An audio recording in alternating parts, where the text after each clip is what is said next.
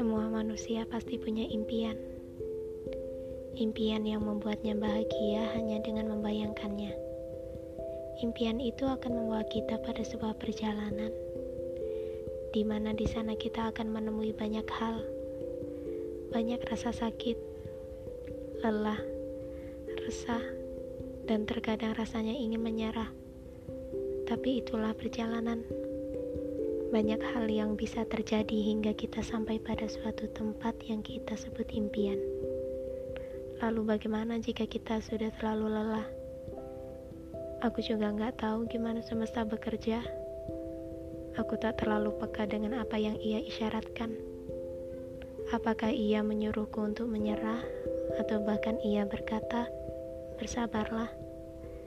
Mungkin kita hanya perlu istirahat sambil menunggu tenaga dan harapan yang mulai penat itu kembali pulih. Pertanyaan terakhir, lantas bagaimana jika kita benar-benar gagal? Bilang pada dirimu sendiri, terima kasih telah bertahan sampai pada titik ini. Gak apa-apa jika semuanya gagal. Setidaknya kita tidak menjadi pengecut yang mudah menyerah hanya karena takut kalah. Katakan pada dirimu, semua ini bukan salahmu. Kita cari pintu lain. Mencoba memaknai apa yang semesta katakan. Jika pintu ini tak terbuka untukmu, berarti ia bukan milikmu.